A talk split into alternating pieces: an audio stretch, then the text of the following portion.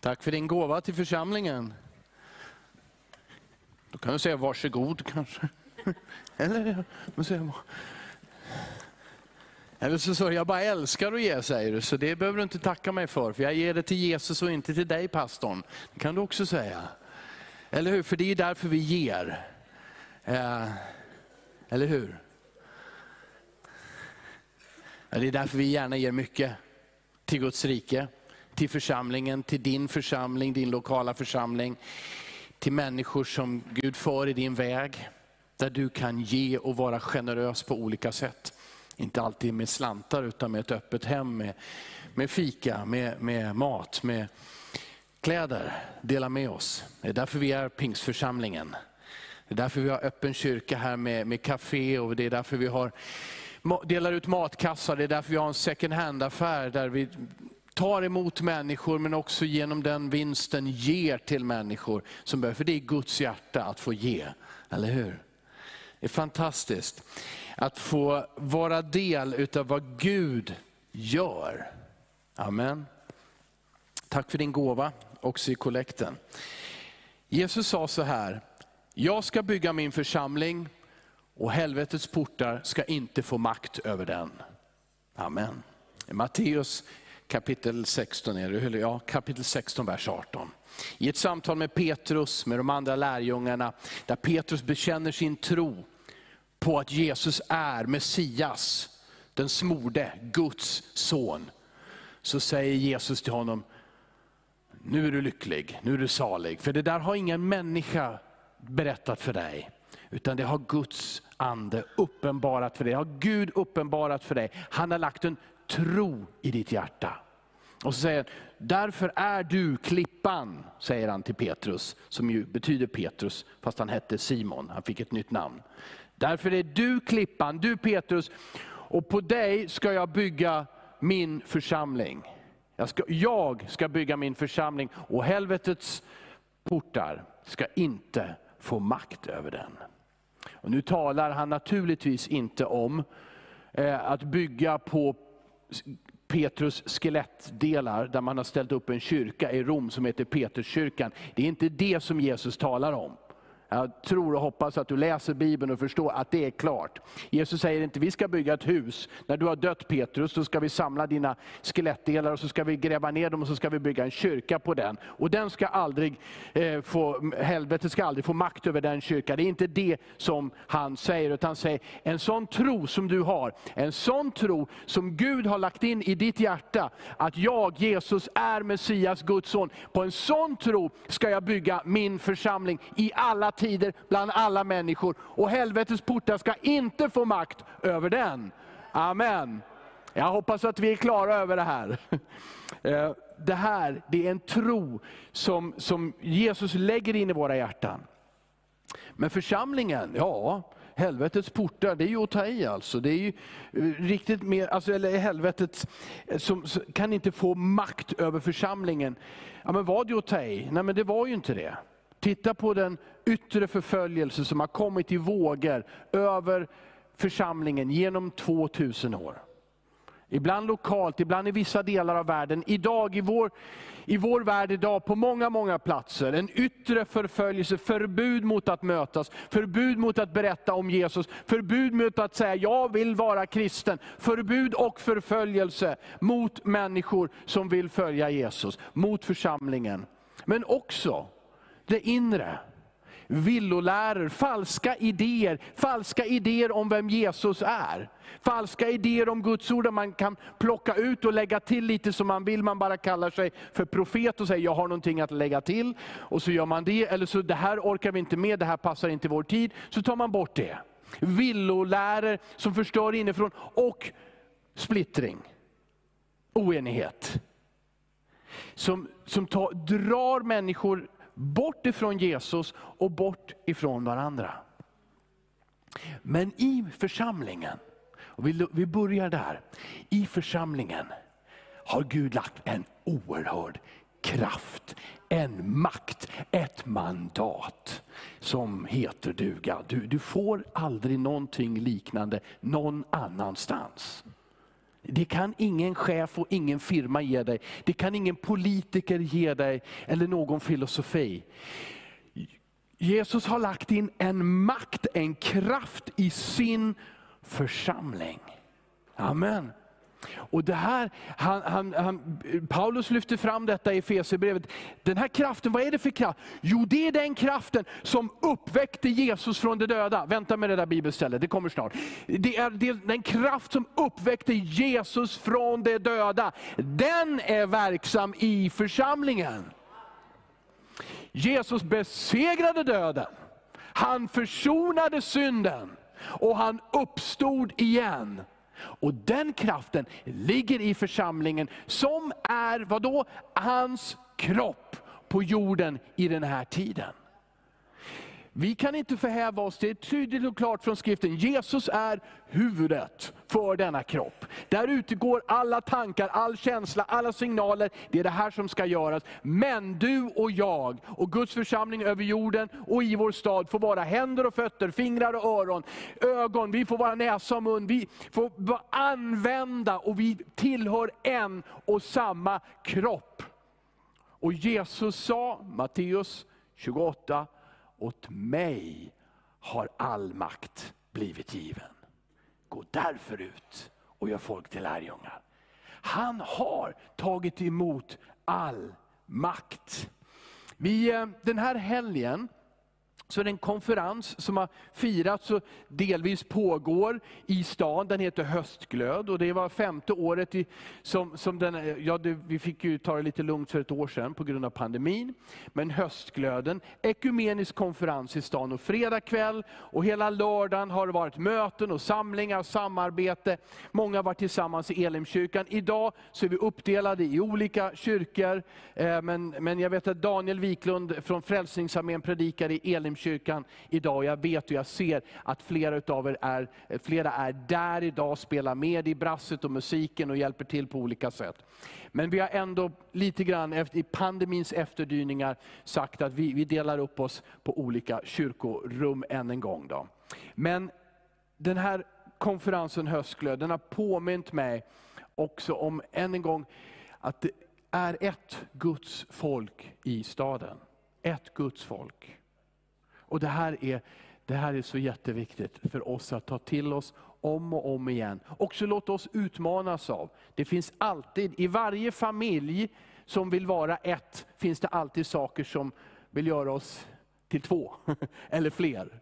Det, det, det hör till en familj. Det sker på den här jorden. Och så är det också alltid mellan församlingar, kyrkor och, och, grupper i församlingen, och generationer, och språk och kultur hela tiden rörelse som, som vill ta isär det här.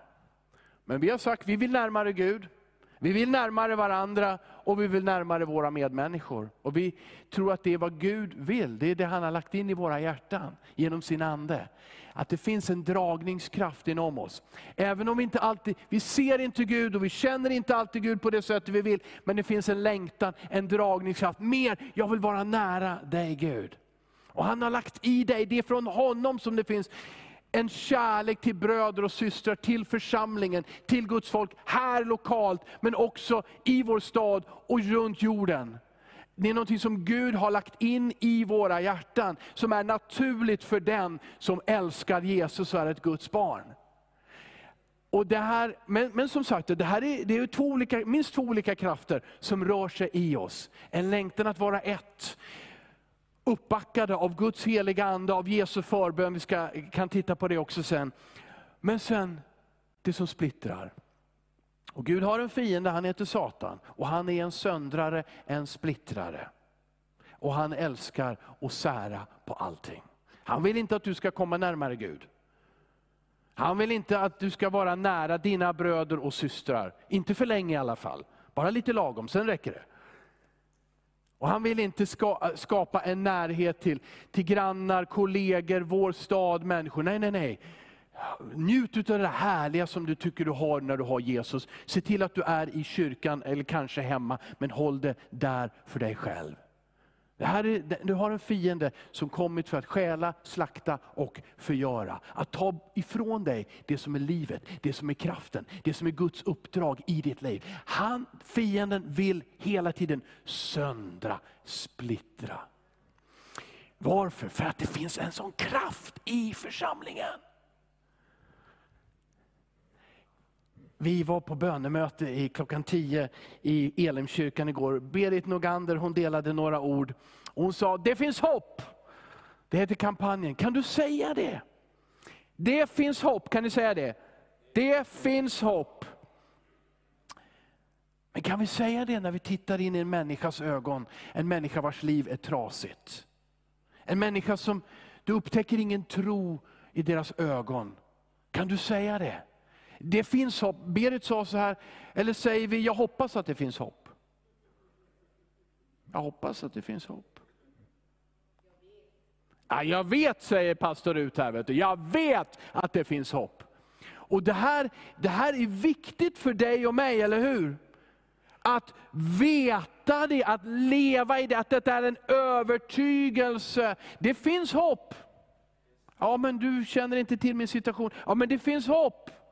Ja, men det finns ingen som har ställt till det så mycket som jag. Det finns hopp! Ja, men jag är sjukare än andra människor. Det finns hopp! Det finns hopp!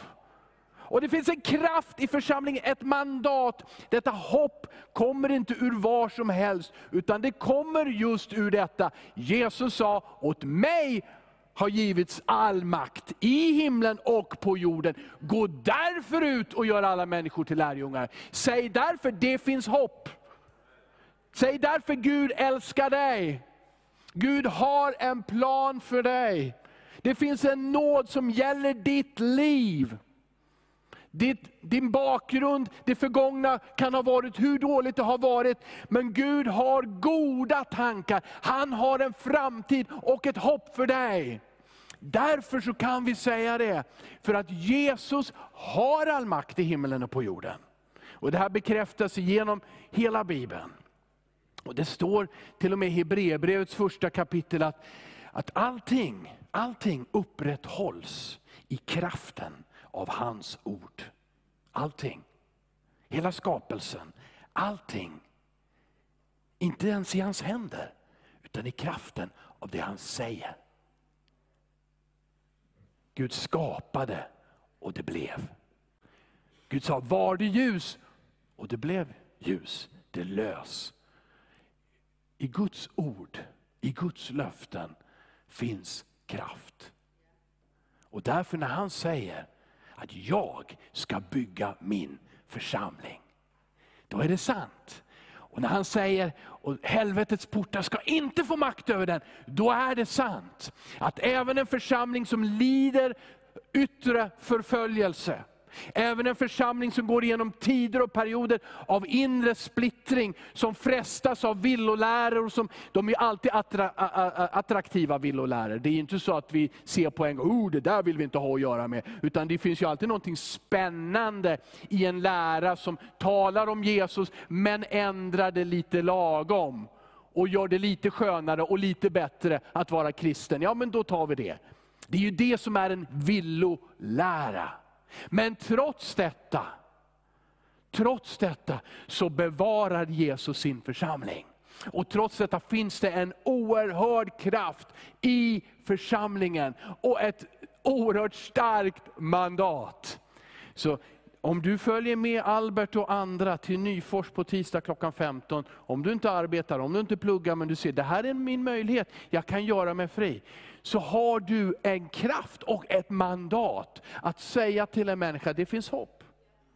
Jesus lever och han älskar dig. Det finns en kraft i detta. Och den ligger ofta, helt naturligt, i orden. Det fanns kraft i Jesu ord.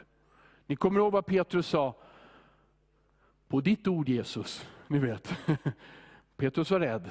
Det var otäckt. Ska jag göra någonting? Men på ditt ord Jesus. Det här var nytt, det här var obekvämt. Men på ditt ord, för att du säger det Jesus, så ska jag göra det. Och när du och jag bekänner vår tro, Det står ju så enkelt och klart i Romarbrevet 10 och 9. Den som med sin mun bekänner att Jesus är Herre och i sitt hjärta tror att Gud har uppväckt honom från de döda, han ska vara frälst. Måste ta namnet Jesus i vår mun och bekänna, du är Guds son. Du är allas frälsare. Du är Messias. Precis, och det är precis som Jesus sa till Petrus, där, på den tron ska jag bygga min församling. Så säger han till dig, där på den tron, i ditt hjärta och ur din muns bekännelse, ska jag bygga i dig. Jag ska bo i dig med min heliga Ande. Ska vi läsa, eh, ska vi läsa, ska vi läsa, vi läser Efesierbrevet 2.19. Efesierbrevet 2.19 och några verser framåt. Då står det följande. Därför är ni inte längre gäster och främlingar.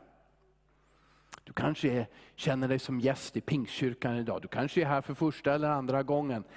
Jag säger det så här, om du har tagit emot Jesus i ditt hjärta, du är inte gäst och främling, utan medborgare med de heliga och medlemmar i Guds familj.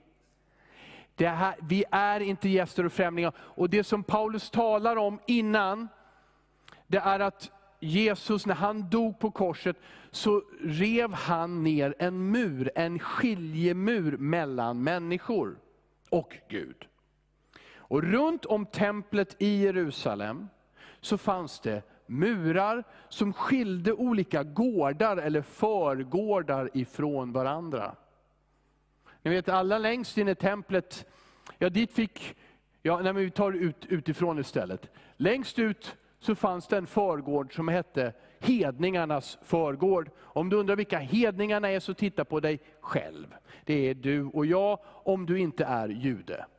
Då är det alla vi andra är hedningarna. I alla fall är det vårt ursprung. Okej? Okay? Eh, och, och där, där, där, dit fick hedningar som, som ville vara nyfikna, eller ville på något sätt tillbe Gud, lära känna Israels Gud. De fick komma dit men inte längre. Det fanns en skiljemur, en mur som skilde dem. Och den var inte så hög så det hade ju gått att kliva över den i princip. Men den hade alltid slutat med din dödsdom. Alltså det var mycket rakt och tydligt. Är du hedning så stannar du där på avstånd. Så fanns kvinnornas förgård, och så fanns Eh, där, där, sen längre in, då närmare templet, där prästerna var, där altare fanns, där man hade brännoffer. Och så fanns själva templet, och så fanns det allra heligaste längst in i templet. Dit en präst, en präst, en enda präst fick gå en gång om året. Det fanns det de här stegen som skilde människor åt från Gud, och som skilde människor åt ifrån varandra. Men, halleluja, Jesus kom. Han kallar på alla. Och när han dör, när han dog på korset, så bröt han ner denna skiljemur. Och därför så kan Bibeln proklamera, nu är inte längre man eller kvinna, slav eller, eller fri, jude eller grek. Alla är ni ett i Kristus. Det är det som han, han river ner murar som skiljer åt. Och ingen ska behandlas som gäst eller främling i Guds hus, i Guds församling. Vi är medborgare. Ingen väntar länge på att få asyl i Guds församling. Utan den får du genom att du bekänner Jesus, tar emot honom. Ingen ska vara utanför familjen i Guds församling. Utan du är en bror, en syster, ett barn, en andlig far, en andlig mor. Del av en familj i Jesus Kristus. Han har rivit ner skiljemuren. Och nu fortsätter jag och så läs, får vi ta tillbaka den här bilden, tack. Därför är ni inte längre gäster och främlingar, utan medborgare med de heliga och medlemmar i Guds familj. Ni är uppbyggda på apostlarnas och profeternas grund. Vi håller oss till Guds ord. Där hörnstenen är Kristus Jesus själv, det allra mest centrala, Jesus Kristus. I honom fogas hela byggnaden samman och växer upp till ett heligt tempel i Herren. Och i honom blir också ni sammanbyggda till en boning åt Gud genom Anden. Och där har du hemligheten. Kyrkan är inte en kyrkobyggnad. Kyrkan, församlingen är människor som bekänner sin tro på Jesus, som följer honom, låter döpa sig i vatten, som tar emot Guds heliga Ande och ett uppdrag att leva för honom. Att vara Guds barn och Guds ljus och salt i den här världen. Detta är Guds församling och där bor Guds Ande. Det är den som han bygger. Han bygger inte massa små byggnader runt om jorden med kors på. De är också fina, de är nyttiga, de är bra. Det är också en bekännelse. Men han bygger framförallt människor, hans församling. Genom anden. Genom anden som föder oss på nytt, som gör oss till ett. Det är i andens enhet. Inte i organisationer. Inte i yttre strukturer och stadgar, utan genom Guds ande. Du kan resa runt jorden och du möter en annan människa som är fylld av Guds ande och du vet, yes, vi har någonting. Du, vi ser annorlunda ut. Vi pratar inte samma språk, vi doftar olika. Vi tycker om olika fotbollslag. Vi tänker på olika saker. Men du, vi hör ihop. Det är Guds ande. Det är han som gör det. Och Det är han som gör att vi kan mötas, män och kvinnor, ung och gammal. Olika färger, olika språk. Och säga, vi är ett i Jesus Kristus. Amen. Nej, inte, vi behöver inte tänka att Jesus ut... Det är inte så att Jesus tycker illa om skillnader. Han har skapat oss med olika hårfärg och hudfärg och olika storlek, eller hur? Och vi har olika intressen och vi kan olika saker. Och det här är rikedomen i hans kropp. Vad skönt att jag inte här har en fot storlek 43 istället för lillfingret. Ja, underbart att det är ett lillfinger, det passar precis lagom här på handen tycker jag. Här sitter inte en fot. Det är jättebra att den håller sig där nere. Men båda är så värdefulla och båda är så viktiga. Och Det här är du och jag i Guds församling. Amen. Och, och vad viktigt det är. Vad tråkigt att spela fotboll om man saknar ett ben. Är, eller hur? Vad tråkigt och, och ja, vad svårt att göra många uppgifter om man saknar olika kroppsdelar. Vi gör ju allt vi kan för att hjälpa dem som lever med ett äkta fysiskt handikapp. Och ännu tråkigare är att vara del i Guds församling och inte ta del i det.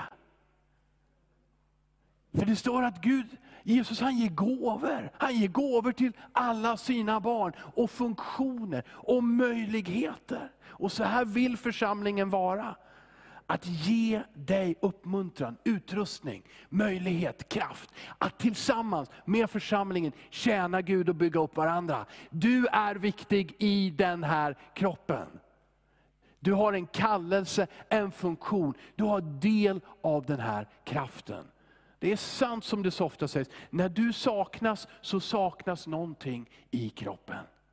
Du har inte ansvar för den församling som fanns på 1800-talet eller för 2000 år sedan. Du har inte ansvar för det som, som är om 200 år. Men du är här och nu. Du bekänner Jesus, du tror på honom. Är du i funktion i den här kroppen? Det är ditt ansvar. Ser du, tar du till dig att Guds härlighet lyser igenom dig. Att det finns en kraft som är långt utöver den fysiska och intellektuella kraft du har. Tar du det till hjärtat? Paulus ber för detta. Nu läser vi Efesierbrevet kapitel 1 måste det vara, eller hur? Eller var det kapitel 2? ska se här. här vi, vi, det är Efesierbrevet 1 och vi läser från vers 17. Och här ber Paulus för församlingen i Efesos. Och det här blir en bön för dig och mig. Att vi ska inse vilken kraft som Gud har lagt i församlingen och i var och en. Det står så här. Jag ber att vår Herre Jesu Kristi Gud, härlighetens far, ska ge er vishetens och uppenbarelsens ande, så att ni får en rätt kunskap om honom. Och det är också en rätt kunskap om oss själva. Jag ber att era hjärtans ögon ska få ljus, så att ni förstår vilket hopp han har kallat er till. Hur rikt och härligt hans arv är bland de heliga. Och hur oerhört stor hans makt är i oss som tror, därför att hans väldiga kraft har varit verksam. Och det är sen som man går in på detta, att denna kraft uppväckte Jesus från de döda. Att vi, och här ber han för troende lärjungar i den tidiga kyrkan i staden Efesos. Att de ska inse detta, Gud ska öppna deras hjärtan. Och må det vara våran bön för oss själva och för varandra. Herre, att jag ser hur stor denna kraft är. Att vi slutar att räkna pengarna i plånboken eller på kontot. Att vi slutar att tänka på, vi är så här, vi är bara, vi är bara tre, två, tre, fyra, fem personer. Att vi slutar att tänka och titta på våra resurser, våra egna tillgångar. Och vi ser vem Jesus är. Och att han, hans församling är hans kropp. Och att du är en del av den kroppen. Och att du har fått ett mandat och ett uppdrag att vara frimodig och inte kasta bort din frimodighet. Att han vill ge mod, att han vill ge kraft, att han vill ge uthållighet, att han vill ge kärlek, att han vill ge enhet i sin kropp. Amen. Vi får göra mycket i tro. Vi får ofta göra väldigt mycket i tro. Det säger Bibeln och det är det som är bra. Inte från det vi ser, utan i tro. vi får säga, vi är ett. Ja, men jag vet ju vad sanningen är. Vi är inte alls så ett. Du har dina, dina idéer och dina tankar och jag har mina. Och titta på kyrkobyggnaderna och titta på de här olika sakerna som finns. Det är så lätt att vi hamnar i det. Men vi har ett mandat att säga, vi är ett. Ja, det känns inte så. Ja, men då får vi rätta till det då. då. Får försöka rätt, jobba på känslan och jobba på oenigheten, grunden till det. Men vi är ett genom Jesus Kristus. Det är också det som är hans bön. Ska vi slå upp eh, Johannes eh, 17 och bara läsa en av verserna i den här fantastiska bönen som Jesus ber. Så du har anden som verkar i dig och i oss för att vi ska vara ett. Och du har också Jesu bön för oss att vi ska vara ett. vi läser bara, jag tror vi läser vers 11. Jag är inte längre kvar i världen, sa Jesus. Och det, det, det stämmer ju, han har återvänt till sin far. Men de är kvar, alltså mina lärjungar är kvar i världen när jag går till dig, helige far. Bevara dem i ditt namn som du har gett mig, så att de är ett, liksom vi är ett. Amen. Och där är förebilden och där är kraften. Det är Jesus Kristus, Guds son, som är perfekt, fullkomligt ett med sin far. Var Jesus omedveten om svårigheten att hålla sams? Nej, han var inte det. Det är därför han ber. Det är därför han ropar och ber till sin far. Var han omedveten om att det kommer komma svåra tider, både yttre och inre problem i församlingen. Nej, han visste ju det. Men han vill bevara sin församling. Han kommer aldrig att ge helvetets portar makt över sin församling. Han vill bevara dig och mig i enheten, i kraften. Så att vi kan säga, att det finns hopp. Jag vet det, jag vet det från min tro på Jesus, jag vet det från min församling, jag ser det bland människor. Det finns hopp för alla, det finns hopp för dig. Att vi kan veta detta och säga det med övertygelse. Amen? Amen. Ja, vad ska vi göra med kraften? Vad ska vi göra för att bevara enheten? Vi läser i Efesierbrevet några verser till. Efesierbrevet kapitel 4, vers 1.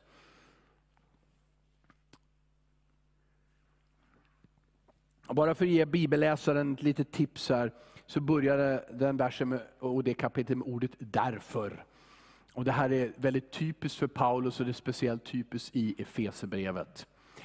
Han eh, skriver i en vers lite senare, ni är ljus, därför lys. Det här är viktigt för oss som troende att ta till oss. Att vi är någonting och sen utifrån vad vi är, gör vi någonting. Inte tvärtom. Aldrig tvärtom. För tvärtom, det är regler och lagar. Du har vuxit upp i en kristen familj, du bör förhålla dig så här. Du bör göra si och så. Då jobbar man på det yttre. Men när någon tar emot Jesus, så har man blivit världens ljus. Du, du kan lysa, du kan skina. Inte genom att imponera på andra människor, men att vara den du är. Du har fått kraft att vara ett ljus. Du har fått kraft att vara ett salt. Nej, jag känner mig inte så modig, jag är inte så saltig. Jo, Jesus bor i dig och han bor i sin församling. Och Han säger, det är naturligt för dig att lysa. Det är naturligt för dig att vara ett salt. Det är naturligt för dig att förmedla Guds ord i profetiska budskap. Det är naturligt för dig att när du ber så sker det någonting i människors liv och hjärtan och situationer. Det är naturligt, för han bor i dig. Du är ett ljus, därför lys.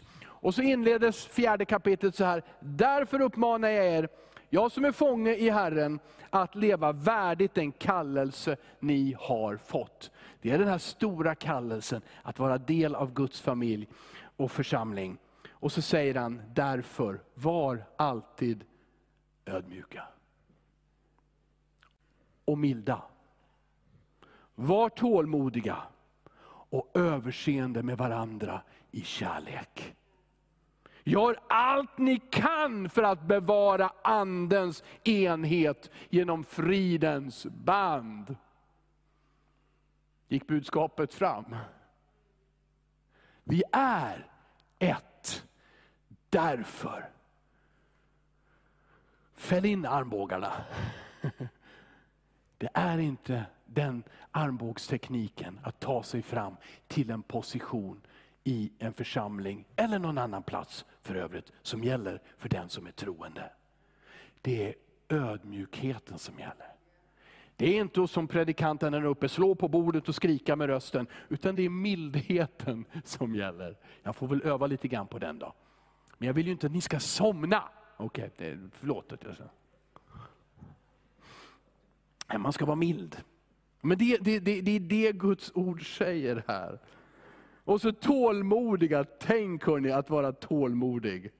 Och överseende med varandra i kärlek. Varför? För det finns en sån skatt i församlingen, det finns en sån kraft i församlingen. Och det är så att vi är så olika, så underbart olika, att det blir lite jobbigt och svårt ibland.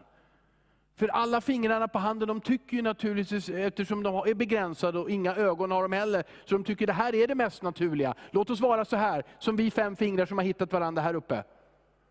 Och så glömmer man liksom bort de andra kroppsdelarna. Det är så naturligt enkelt att det sker när vi tillåter synden. Eller hur? Vad då tillåtelse? Ja, när, när någon trampar på dina tår och du säger ingen ska få trampa på mina tår.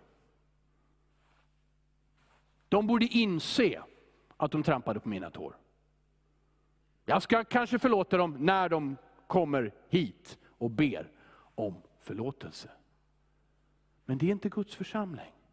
Det är inte Guds församling. Ha överseende med varandra i kärlek. Gör allt ni kan för att bevara Andens enhet.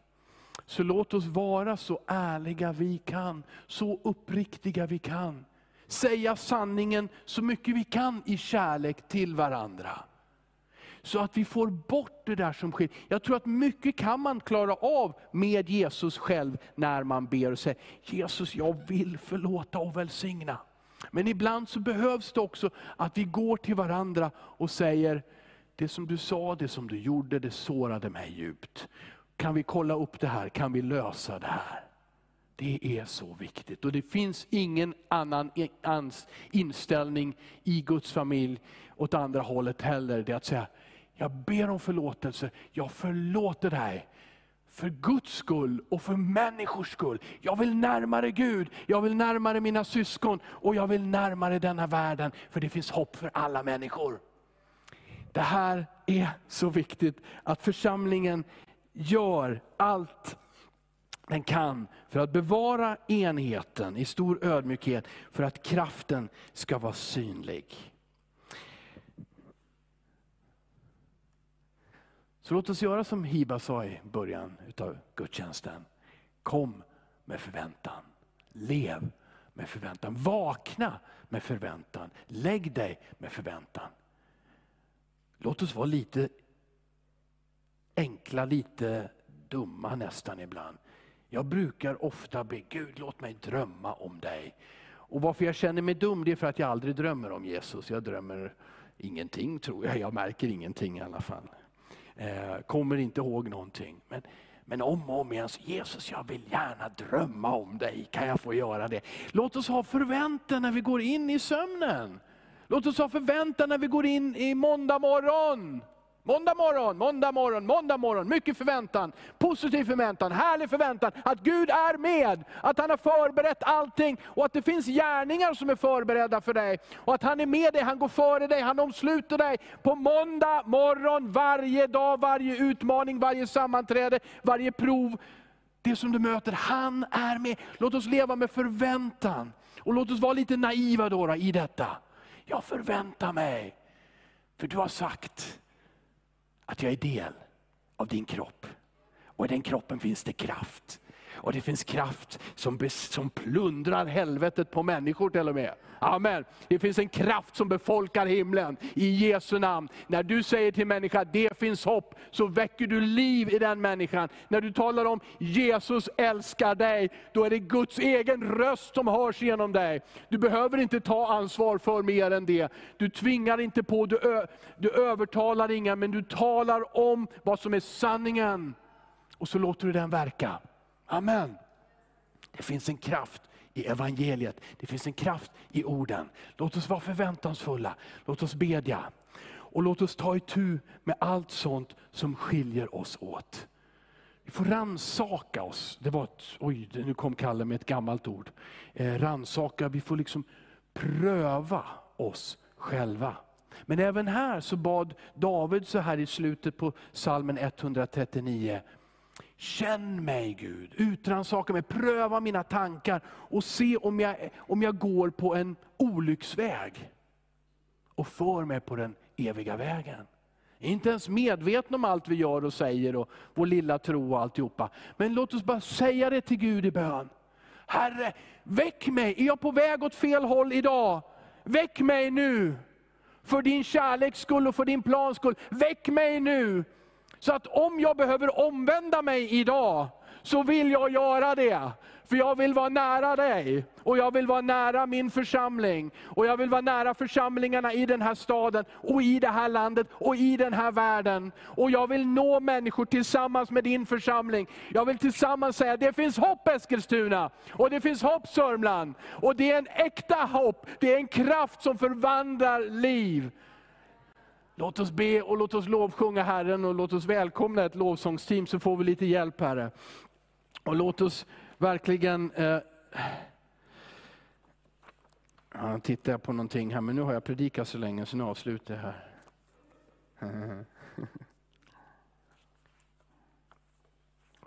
Det är svårt för mig att avsluta. Så det finns ett litet allvarsord i det här. Det här är eh, någonting som skrevs för 23 år sedan ungefär utav en man som hette eh, Chebo van de Eikhoff, evangelist och, och, och eh, förkunnare i Stockholm. Han avled för bara en kort tid sedan. Eh, kom hit, tror jag, under sju års tid. Jag bodde ju inte här då. Och, och, bad tillsammans med församlingar, förenade församlingar i bön. Man bad i stadshuset, hade bönemöten där inne. Man var ute på gator, man samlades som Guds folk. Och de skrev en skrift och det finns många bra saker i den. Eh, och det var väl det som, jag, som väckte mig, för det finns en del som heter Bedjarnas slutsatser. Och eh, utav åtta stycken slutsatser så var nummer sex just detta. Genom historien finns ett mönster av oenighet, särskilt bland de kristna. Och då har man alltså tittat på kyrkors historia i Eskilstuna när man drar den här slutsatsen. I skeden av väckelse, väckelse det är när, när, när det, det, rör på sig bland Guds folk. Människor kommer till tro på Jesus, man vill tjäna Jesus.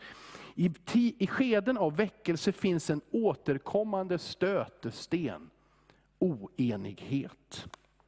Tider av förnyelse har ebbat ut på grund av oenighet. Liksom tider av nyplantering. Man sätter staket och hängnar in sitt revir istället för att samarbeta Istället för att samarbetet bygger man bara på sitt eget hus. Och det här riktar Guds ord till oss som enskilda individer också. Att inte bara bygga på vårt eget hus. Det riktar han till oss som pingstkyrka, att inte bara bygga på vårt eget hus. Det här är en utmaning. Och eftersom vi går in i den här kampanjen som heter Det finns hopp, vi är i den. Vi, hela vårt evangelisationsarbete i Nyfors och på fritidsgårdar, och på, på torget här igår när, när flera av våra unga människor var ute och bjöd på kaffe och berättade om Jesus. Det är en del av att tala om för den här staden, det finns hopp. Och vi gör det tillsammans som församling. Jag hoppas att du är med, står med i det med ditt hjärta, dina böner, dina gåvor, din insats. Och vi som församlingar i stan som har beslutat oss för att göra detta tillsammans. Men vi är, med, vi är medvetna om den oerhörda kraft som det finns. Jag blev så glad när jag fick reda på här i veckan, jag har trott att vi kan ta in 3000 människor eh, per möte. Eh, 3 500 har jag sagt, eh, per möte i Stiga Arena i januari. Men nu genom möblering och så vidare så har jag fått reda på att det finns plats för 4 750 människor i varje möte.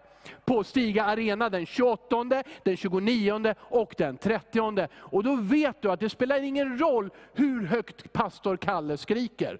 Han lyckas aldrig bjuda in de som är mina vänner, mina grannar, de som jag känner. Det kan jag. Jesus har kallat mig, han har gett mig kraft och jag tänker se till att får jag dit dem så tar jag dit dem. Amen. Bjud in människor, dela ut inbjudningar, böcker, var med i bön och engagera dig. Låt oss göra detta tillsammans i en medvetenhet om att varje gång som Guds församling och en människa och det gäller dig personligen. Varje gång som du in, inser, vad bra jag har det. Gud är med mig. Så kommer det också prövningar.